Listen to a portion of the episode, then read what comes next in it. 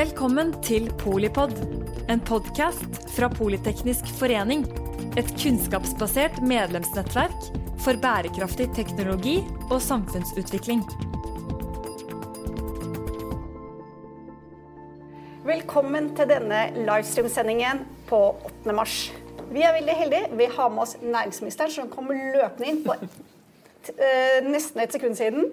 Vi har med oss Maria Moreus Hansen, som har vært all over the place i næringslivet, og er bl.a. styreleder i Nasjonalgalleriet. Museet. Museet, museet, museet. Eh, og vi har med oss Ingar Bentsen, som representerer det nye næringslivet og har en 20-talls eh, styreverv. Vi begynner med deg. Har du fått igjen pusten?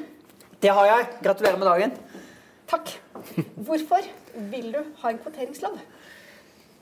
Eh, jeg vil ha likestilling i samfunn og næringsliv. Det er utgangspunktet vårt. og Det er mye bra som har skjedd. Norge er et likestilt samfunn på veldig mange områder. Vi har vist vei internasjonalt. Det er veldig bra. Men det er fortsatt store utfordringer igjen. og Vi ser det i arbeidsmarkedet, vi ser det i utdanningsvalg og vi ser det også i næringslivet. Kun 20 eh, av styremedlemmene i norske bedrifter er damer. Kun en fjerdedel av gründerne er damer. Og blant de 200 største selskapene i Norge så er det kun 15% som har kvinnelig toppleder. Og nå skal vi gjennomføre den største omstillingen av norsk økonomi noensinne. Vi må ta i bruk alle samfunnets ressurser, kvinner som menn i alle aldre. Og da er det sløsing med samfunnets ressurser når vi har så skjev fordeling av kvinner og menn i ledende posisjoner. Og så er jeg jurist selv, så jeg er veldig opptatt av at det er liksom ikke alt vi skal regulere. Jeg har veldig stor respekt for at det er private eiere sitt eh, privilegium å bestemme hvem som skal sitte i styrerommene. Så hvis vi skal regulere, så må vi gjøre det med varsomhet og nøysomhet og forsiktig. Men jeg tror at litt soft nudging og litt smart regulering regulering sammen med både kompetanseheving og holdningsarbeid og mye annet kan bringe dette framover. Sånn at eh, om noen år kan vi se oss tilbake og si at vi klarte å få til et mer likestilt næringsliv. Maria, hva tenker du? Tenker du at kvotering er nødvendig? Og er det veien å gå? Eh, ja, altså jeg har jo tenkt at jeg var motstander av dette forslaget. Og grunnen til det er jo at jeg tenker liksom Hvor langt skal vi gå? Eh, hva skal vi regulere i næringslivet? Er det i styrerommene det skjer? Og så er det jo akkurat det som ministeren er inne på. Hva skal vi regulere gjennom politikk og demokratiske prosesser? Og hva er liksom, aksjonær, liksom aksjonærenes rettigheter her? Liksom, går vi for langt når vi bruker lov til å gjøre dette? Det er på en måte, så Jeg vil ikke si at dette er unødvendig. Eh, eh, det norske samfunn har store strukturelle forskjeller mellom kjønn, som vi ser hele veien. Men liksom der hvor jeg har tvilt meg frem til et sånt veldig sånn tja, vil jeg si, det er jo er dette løsningen? Er det i styrerommene det skjer? Er det dette som kommer til å gjøre en forskjell? Og En av grunnene til det er at vi ser, og det vet jo ministeren utmerket, og nå har jeg jo til og med skumlest høringsnotatet det er at, jo, Hva fikk vi til ved kvoteringen i ASA-styrene? Vi fikk til 40% i ASA-styrene. Vi fikk liksom ikke noe mer. ikke sant? Så spørsmålet er hva får vi til ved dette? Får vi til akkurat det, og så får vi ikke til noe mer. Det jeg tror vi trenger nå, det er jo det vi ser skjer i næringslivet, tenker jeg da. På yrkesfronten er jo Nå kommer jentene i utdannelse. Vi mangler ikke jenter i utdannelse, høyere utdannelse. Nå må vi sørge for å få dem inn i arbeidslivet på lik linje med menn. Men så må vi greie å beholde dem. Og det er der jeg tenker at nå står slaget der, liksom. Vi må sørge for å holde på dem etter ti år. Og er da kvoteringsforslaget inn i styrene det riktige tiltaket? Det er der jeg er litt i tvil. Men så har jeg fått øvd litt på dette nå de siste 24 timene, så nå er jeg litt sånn tja. Jeg syns innlegget blir bedre og bedre og bedre når du ja, fortsette. Hvis du bare kommer med et sånt lite forslag her, som ikke er sånn veldig omfattende, så skal, er jeg kanskje støttende ja, Ingar? Ja, altså, jeg syns dette var veldig spennende å sitte og lytte. Jeg kunne egentlig bare spurt om dere kunne gjøre det en gang til. Altså, jeg, jeg, representerer jo da uh, i dette panelet kanskje de som kommer fra litt mindre bedrifter. Uh, sitter som du sier et tyvetalls styrer i veldig tidlig fase. Uh, og det er jo ikke alle de som i utgangspunktet ville bli omfattet av en kvoteringslov. så det er liksom utgangspunktet for oss, og så må vi se hvordan kan vi legge til rette for at vi får til en omveltning. For altså, det har jo ikke vist seg å egentlig fungere å bare sitte og vente. Uh, du kan si Vi startet jo for uh, ASA-styret for 20 år siden. Uh, ja, og du har fått til 40% og du skal ikke kimse av det. 40% er bedre enn det var. Så noe har man fått til. Og da er det, er det, er det riktig måte å gå videre og pushe på nå? Nå har vi ventet i 20 år, vi har ikke fått det til. På AS-styrer, men så er det som du også sier, det er veldig mange pluss og positive og negative sider ved dette. Uh, ved å se på, altså jeg, jeg, har lyst til at vi skal få det til. Jeg har lyst til at vi skal få til mangfold. Mangfoldighet i styrene. Uh, jeg har lyst til at vi skal ha en likestilling. Altså, jeg har en sønn og en datter. Det er ikke noen grunn til at den ene skal ha noe større eller bedre rettigheter enn den andre. Uh, og jeg har lyst til at når de vokser opp, så skal de ha alle like muligheter. Eh, og Hvis det er måten da å komme, få til det i styrerommet, for det er jo det vi skal diskutere, i styrerommet, så er jeg også på et tja, men ja, fordi noe må gjøres. Eh, fordi vi kan ikke bare sitte og vente. Eh, og Da er spørsmålet skal man bruke pisk eller, eller gulrot for å komme dit. Nå har vi kanskje Vi har ikke lagt til rette for så mange gulrøtter de siste 20 årene for AS, men man har i hvert fall sett hva som har skjedd i ASA-styrer. Uh, og Da har man jo hatt noen som har trukket seg ut, og noen som har faktisk endret uh, hvordan virksomheten er satt opp. Uh, så det er, en, det er, en, vanskelig diskusjon, dette her. Men ja, altså, jeg er litt sånn tja, men ja. for jeg syns det burde skje noe. Det må skje noe. det må skje noe. Det er vi kanskje enige om. Noe må skje. og så er vi inne på det poenget som Maria vil tok opp først her. At når kvoteringsloven for ASA-styret ble tatt for 20 år siden, 20, nesten 20 år siden, så skjedde det ikke noe mer enn Eh, og så var det viktig at eh, eh, loven selvsagt ble fulgt. Hvordan skal vi sørge for at den gangen her at det får større effekt? Bra spørsmål. Jeg må si, jeg synes Det er to veldig reflekterte og gode innlegg også. Det bare viser litt at, smarte folk her, vet du. At, ja, det er helt sant. Det viser også bare at, at det å være litt sånn nøktern og kunnskapsorientert og søkende og reflektert er bra. Jeg var veldig opptatt av da vi sendte ut høringsnotatet at det ikke skulle være sånn quick fix. Her har vi bare konkludert før vi har tenkt oss om. Det er et veldig grundig høringsnotat. Det kan anbefales for spesielt interesserte. Jeg tror det er 120 sider, og det sammenfatter mye av nasjonal og internasjonal forskning. Rett og slett fordi at her er det et landskap som det ikke finnes noe enkle svar eh, i. Da det var en daværende næringsminister fra Høyre, var det riktignok KrF i den regjeringen som var veldig pådriver av dette, så sa Ansgar Gabrielsen at nå er jeg lei av gutteklubben Grei. Det skulle jeg ha sagt, så vi sett hva som hadde skjedd da, men det gikk for han. Eh, jeg er jo som skolegutten i forhold, men eh, nå må det skje noe. Og så skjedde det ikke noe, og så kom da dette forslaget på de statseide selskapene og allmennaksjeselskapene. Men det var jo veldig få. Altså Vi snakker et par hundre, 300 selskaper kanskje. Det vi har sendt på forslag nå, vil jo innebære et sted mellom 10 000 og 25 000 selskaper. Hvor vi holder de små utenfor. Det har vært veldig viktig for mange i næringslivet. Eh, det er 600 000 selskaper i Norge, så dette er jo da for de mellomstore og de store. Og mens allmennaksjeselskapene ofte er jo, ikke alltid, men ofte konsentrert rundt byene og mer urbane miljøer og et fåtall, så vil jo dette forslaget få konsekvenser og effekt for mye større bredde av næringslivet over hele landet. Og det vil jo innebære at eh, en del tusen nye styremedlemmer skal rekrutteres. Og da er skalaeffektene i dette forslaget veldig mye større enn sist gang. Og det håper jeg at vil bidra til mer bevisstgjøring, at flere kvinner eh, forteller hva de kan bidra med. At flere av selskapene etterspør kvinner, at det blir mer konkurranse om de dyktigste kandidatene. Og at hele debatten om dette, bare det at vi sitter og snakker om det her og nå, at det kommer et lovforslag til Stortinget at NHO i går tok det historiske mhm. standpunktet og går fra å være mot kvotering til å være for dette forslaget med noen justeringer, at det i seg selv gjør at vi flytter verden framover. Men det vil ikke være alene nok. Det er begrensninger for hva vi kan regulere oss fram til. Eh, men i kombinasjon med andre ting så tror jeg og håper at eh, det kan bidra. Og det er jo et godt poeng at det tar tid. Altså For 20 år siden så var det 15% damer i norske bedriftsstyrer. 20 år siden. 15 og nå er det 20% Så det har altså tatt 20 år å øke den andelen med 5 prosentpoeng. Og vi er altså i 2023, ikke 1923, og da trengs det kanskje litt mer tvikking til for å få dette til. Maria, hva tror du er grunnen til at vi har fått såkalte gullskjørt, mm. Eh, kvinner med mange styreverv, men at gullskjørtene kanskje ikke har klart å løfte frem eller bidra til, og så spørs det er det deres ansvar, men uansett, vi har ikke fått til mer likestilling. Hva kunne gullskjørtene ha gjort annerledes? Og hva bør være råd til de som får hjelp av, av og Finnmark? Være avhengig av en mannlig næringsminister hvert 20. år for å få fart i dette her. Nå, Nå, har jo jeg eh, eh, jobbet eh, en del år i utlandet så det var egentlig da jeg leste meg opp til dette her i dag, at jeg liksom kom over dette uttrykket 'gullskjørt' igjen, som er et helt sånn grusomt uttrykk. Det syns jeg vi skal slutte å bruke. Det er veldig diskriminerende og veldig stereotypt. Vi kan kalle han på en gullslips òg, da. Så, så Det syns jeg liksom vi skal være forsiktige med. Og så viser jo da forskningen, også så som det står i høringsnotatet, at denne forestillingen om at det er så liksom mange, eller få kvinner som fikk så veldig mange styreverv, det er jo ikke riktig. I begynnelsen så var det jo sånn. Men det er jo menn som har mange styreverv, kvinner har få. Ikke sant? Så det er jo en sånn feil oppfatning som sitter der fortsatt, da, om at det er det. Men jeg tror det er også veldig viktig å liksom Min profesjon nå er jo stort sett å være styrearbeidende, liksom. Og vi skal jo huske på hva styrer beslutter. Ikke sant? Altså Styret skal ansette en administrerende direktør. Men det er jo en, en kollektiv beslutning i styret. Det hjelper jo ikke liksom å sende inn én dame eller to damer eller tre damer. liksom. Og de vil jo også tenke ut fra kompetansekrav, ut fra egnethet, eller liksom alle disse andre kriteriene som de fortsatt må gjøre. De er jo ikke satt inn der for å kvotere. Det tror jeg ikke noen kvinner føler at de, at de ønsker å være hvis de sitter i et styre. Så de, de, skal ansette en administrerende direktør. Så kan de legge ambisjoner og strategier for selskapene. Det tror jeg de gjør. Men de er jo ikke inne i de operative og styrer de operative.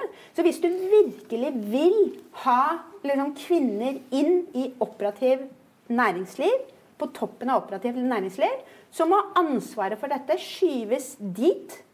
Og da er jo det store spørsmålet liksom, Hvis man er villig til å bruke regulering og lovverk, ja, liksom, hva er det egentlig da som holder oss tilbake, i hvert fall på et prinsipielt basis, for å si at det er der vi skal kvotere?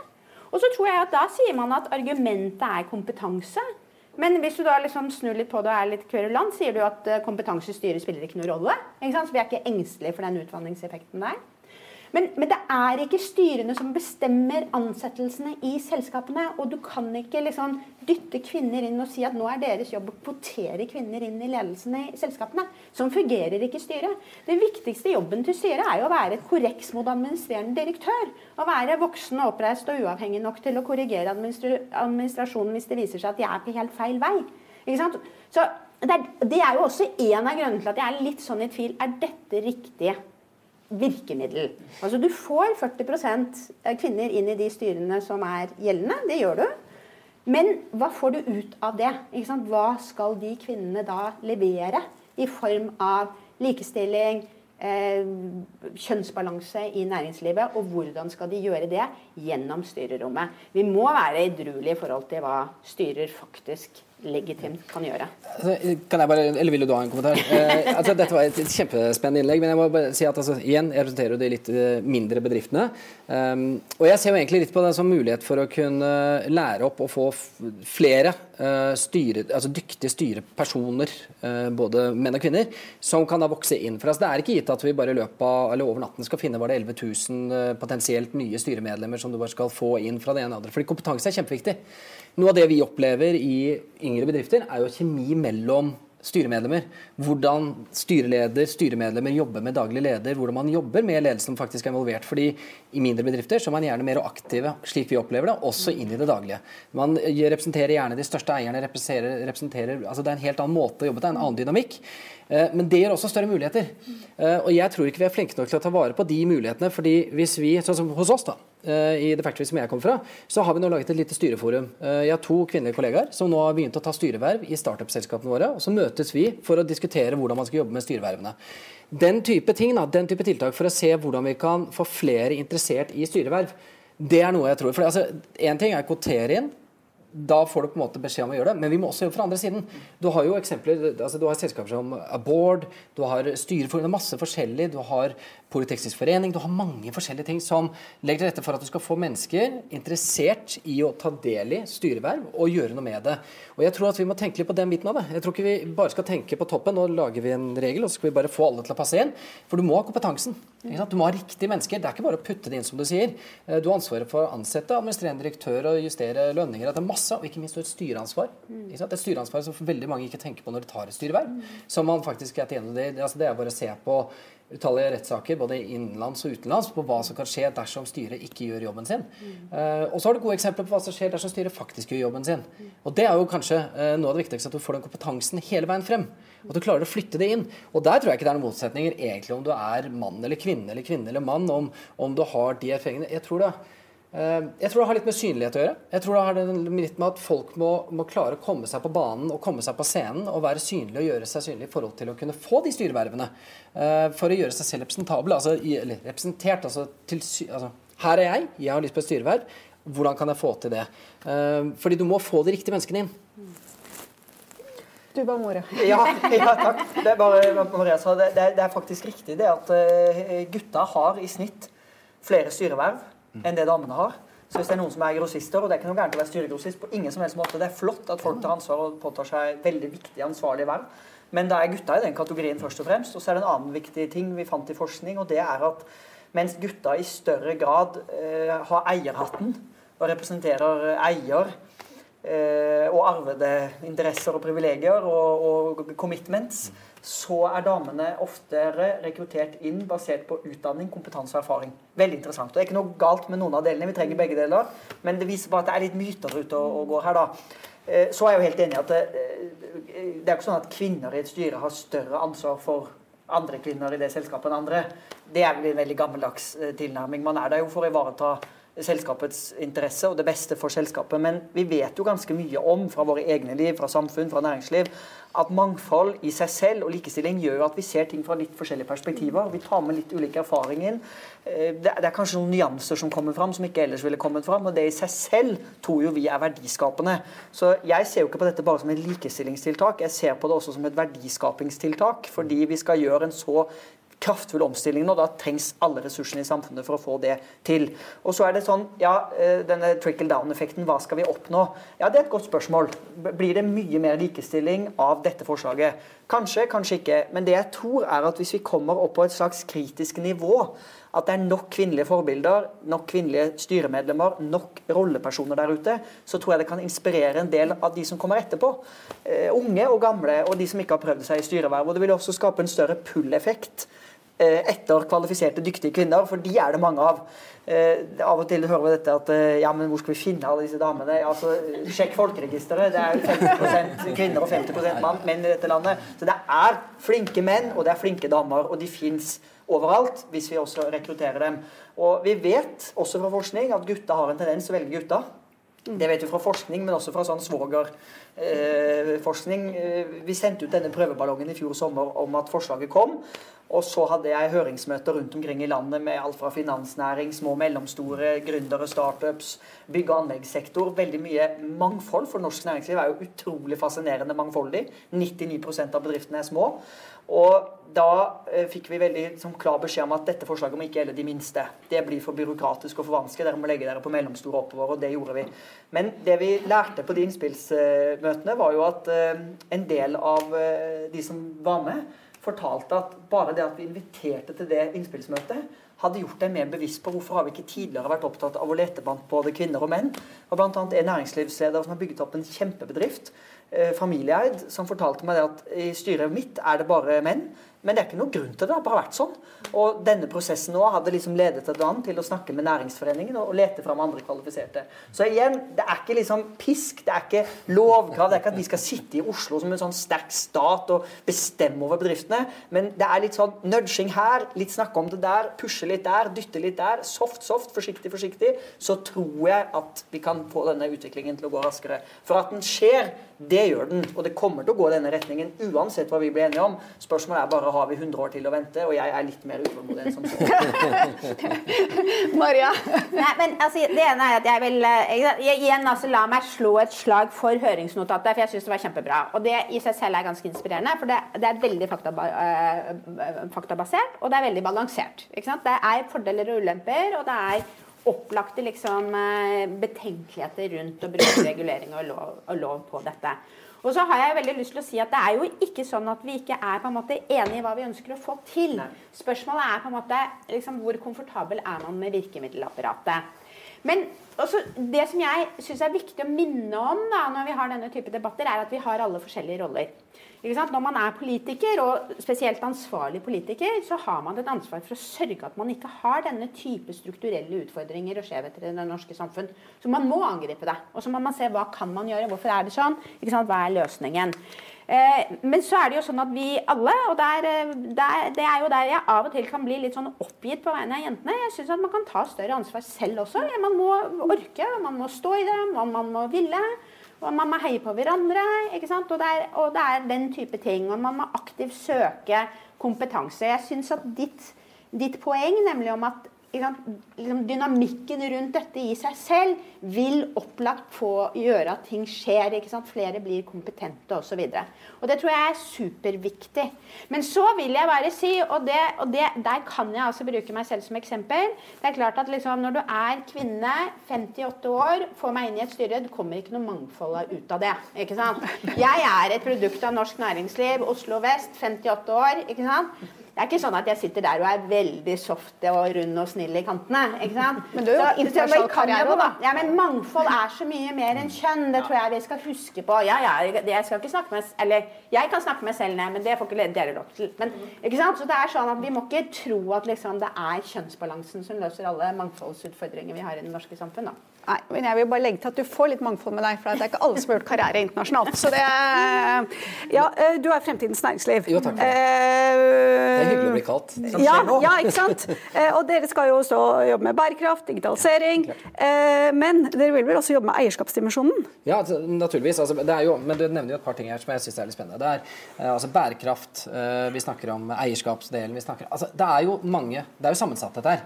Eh, du snakket i sted om dette med eh, altså hvordan eiere kommer inn koblet på, dette med styreansvaret. Altså, det er jo vi skal sitte og eie selskapet. Vi er med på å eie det fra tidlig fra veldig tidlig og skal eie det over lang tid. Da har vi et ansvar i forhold til å være med på å utvikle disse bedriftene. Eh, og da handler det ikke bare om å legge det i riktig retning i forhold til hvordan de skal gå forretningsmessig, bærekraftsmessig, slik men også da styreretningen. Og der kommer vi med mye innspill. Så jeg, jeg tenker at her er det en Altså Norge og mulighetene vi har, da, er ganske unike. Eh, vi sitter jo et ganske godt i det, kan vi ikke bare si det rett ut som det er. Altså, Norge AS eh, har det helt greit om dagen. Selv med økte renteutgifter for alle som bor her, så må jeg si at mulighetene våre er fortsatt ganske store. Eh, som et lite land så opplever jo vi eh, faktisk fra utlandet masse interesse for å få investeringer fra oss. Altså Dvs. Si eh, utenlandske gründere som begynner å se til Norge for å kunne få med seg kapital herfra. Fordi de ser at det er ikke bare kapital vil kommer, men det kommer kompetent kapital. Så jeg vil slå oss et lite slag for altså, investeringsmiljøet i Norge har vokst opp og, og virkelig begynt å få fart på sakene. Det går 10 år, 20 år tilbake, så var Sverige milevis foran oss, opplever jeg. Nå så opplever jeg at eierskap og eierinteressene i Norge har begynt å virkelig sette seg på kartet. Eh, vi ser samarbeid med utenlandske investorer, vi ser utvikling for bedrifter osv. Men der følger det også med seg et ansvar. Eh, og det ansvaret må vi være bevisst hele veien. Eh, og det er der vi, vi, prøver å slå et slag for å gjøre det fra tidlig av. Uh, være inne tidlig i styrene, være inne som en god rådgiver. Altså jeg er selskap som jeg har vært ut og inn av flere ganger i styrer fordi man har en rolle. Jeg opplever ikke at et styreverv er noe du får som en sånn æresbevisning. Vær så god, her får du diplom, heng det på veggen, nå er du styremedlem her de neste syv årene. Jeg opplever ikke at det er sånn det skal være, for da slår det feil. Uh, jeg opplever at et styre skal være dynamisk. Det skal kunne komme smarte mennesker inn for å bidra til at bedriften skal vokse videre. Det handler om å få flere ansettelser, eh, skape bedre business, eh, gjøre noe godt for samfunnet. Altså Det er mange ting. Eh, og da handler det om å ha et dynamisk styre med folk som har anledning til å komme inn, bidra en periode, og så tre ut igjen hvis ikke kompetansen er nødvendig lenger. og Da snakker jeg om kompetanse. Så vi må bare passe på at ikke vi ender opp med at man sitter og ser seg selv litt i kortene og tenker at ok, nå har vi en god balanse med kvinner og menn, så nå tror vi bare la styret være for de neste fem, seks, syv årene, og så gjør vi ikke noe mer. Vi må ha med den dimensjonen at vi må hele tiden jobbe med det.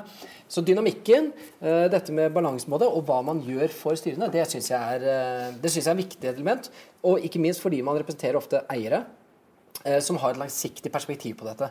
Og det er vi jo i Norge heldige med at vi har. Altså, Eierinteressene i Norge de har gjerne et godt langsiktig perspektiv på det de gjør når de er en går inn, starter bedrifter, bygger bedrifter, investerer bedrifter. Nå har vi hatt en runde her, og her er det, mm, lander vi kanskje på at vi er for, for eh, kvotering. Eh, men i går hadde vi 200 damer her som vi fant ut skulle gi råd til deg. De, der var det et overveldende flertall for kvotering. Eh, men det de var opptatt av, at det måtte også være kvotering i valgkomiteene. Og så var de opptatt av at eh, kjønnslikestilling ikke er nok. Så det neste du må gjøre, er å ta tak i mangfoldsdimensjonen, selv om den er vanskelig å definere. Og så må du få med deg de andre statsrådene, for det holder ikke med næringslivet, du må ta tak i hele samfunnet. Så da har du fått noen råd. Ja, det er bra, det er gode forslag. og bare si også at Det som nå er på høring, eh, er på høring. Ja. Og fristen er neste uke. Og alle innspill kommer til å bli lest grundig. Og vi har vært også veldig åpne i den høringen. Jeg tror det står på linje to i høringsbrevet at eh, alle som vil, kan komme med innspill. Vi har ikke forhåndskonkludert. Så har man andre ideer til både terskelverdier, andre måter å gjøre dette på. altså Kom med det. Så er det en dugnad vi skal gjennomføre. Og jeg har ikke tenkt at vi skal lage liksom en konfliktlinje rundt dette. Jeg er veldig glad for at NHO har tatt et eh, et godt valg, et modent eh, valg. Eh, og jeg håper vi kan bruke trepartssamarbeid. Og jeg vil også invitere til bredt samarbeid i Stortinget om dette, så vi kan lage noe som står seg over blokkgrensene over tid. Og så vil vi gjerne hjelpe deg litt videre også. Sånn at Mette, generalsekretæren her, har bestemt at vi skal ha en podkast som heter Valgkomiteen. Her skal vi invitere de ulike valgkomiteene for å diskutere hvordan de jobber med likestilling og mangfold. Sånn at de kan dele råd og inspirere hverandre.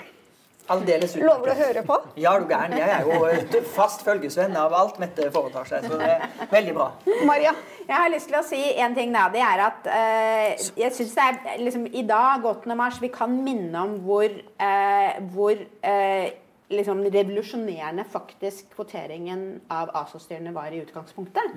Og de, den har i hvert fall hatt ringvirkninger utover Norges grenser. Det er liksom ett aspekt som vi absolutt må huske på. Og så har jeg også, og jeg vet at dette ikke ligger på ditt bord, ikke sant? så dette ikke, handler ikke om Næringsdepartementet, men, men et, liksom et tiltak, et inngrip, liksom inngripende tiltak, eh, som er regulering, det er jo eh, pappapermisjon. Og det mener jeg faktisk har hatt mye større virkning på et likestilt Norge enn eh, kvoteringen i ASA. Men Kanskje, over tid. Det, det, er det ingen tvil om. Det er vi helt enige om.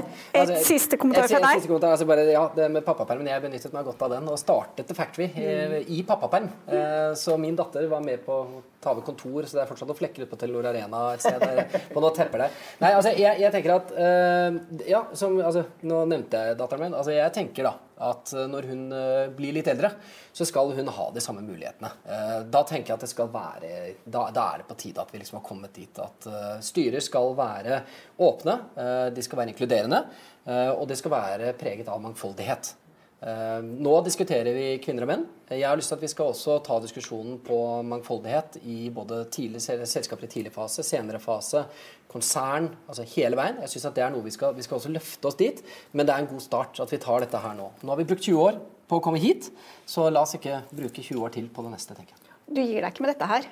Eh, nei, vi får se, da. ja, jo, nei, men, men, men, men, vi er helt enige. Det mangfold er Likestilling og mangfold er viktig, begge deler. Og um, det handler om mye mer selvfølgelig enn kjønn, men det handler også om kjønn. Så vi må liksom angripe en og en problemstilling også, for ellers så kan det bli litt sånn eh, stort og uoversiktlig. Og så skal vi bruke mange deler av politikken på en bra måte. Vi uh, lanserte en eierskapsmelding i fjor høst. Staten er jo en stor eier. Vi eier en femtedel av Oslo Børs, 70 selskaper. Vi er en uh, profesjonell og langsiktig ordentlig eier der. Og Stortinget vedtok den meldingen i forrige uke. Bredt flertall fra rødt til blått sluttet seg til statens forventninger. og der har vi jo økt forventningene ikke bare til likestilling i alle deler av organisasjonen, men tydelig også mangfold, og at selskapene forventes å utløse verdien av mangfold. og Vi skriver også i den meldingen ganske bredt om hva som ligger i det mangfoldsbegrepet. Så det er mange ting vi kan gjøre, og så må vi heie på de bedriftene som går foran også. Jeg hadde innspill med finansnæringen f.eks., for eksempel, som fortalte bare hva som har skjedd nå de siste årene av utvikling, og hvor mange flere kvinner som eh, har ledende posisjoner. Eh, hvordan de har vist vei, banet vei for andre. Eh, ikke så mye med liksom veldig bestemte krav eller regler om representasjon, men den bransjen har brukt veldig mye tid på åpenhet og på å synliggjøre resultatene og på å rapportere. Det var det viktigste innspillet jeg fikk fra dem, at vi burde øke rapporteringskravene. For da mente de det er litt sånn umoderne og usexy å vise til at det liksom bare er gutter i ledende posisjoner. Så igjen, det er et mangfold av tiltak og virkemidler som skal til. Det trengs offentlig-privat samarbeid. Næringslivet selv går foran, det gjør de allerede. Vi trenger utdanningsinstitusjonene med, vi trenger organisasjonene, frivilligheten, forbilder som kan stå fram. Og så kan vi politikere og storting og regjering også være med og nudge litt her og der. Og i sum så tror jeg vi kan flytte Norge, og med det også verden framover. Tusen takk for at du fulgte denne livesendingen. Eh, følg oss gjerne på Polypod, og følg gjerne den som heter Valgkomiteen, som blir lansert i løpet av 14 dager ca. Jeg som leder debatten er Janne Log, jeg er styreleder i PF Styrenettverket. Takk skal du ha. Takk for at du lyttet til Polipod fra Politeknisk forening.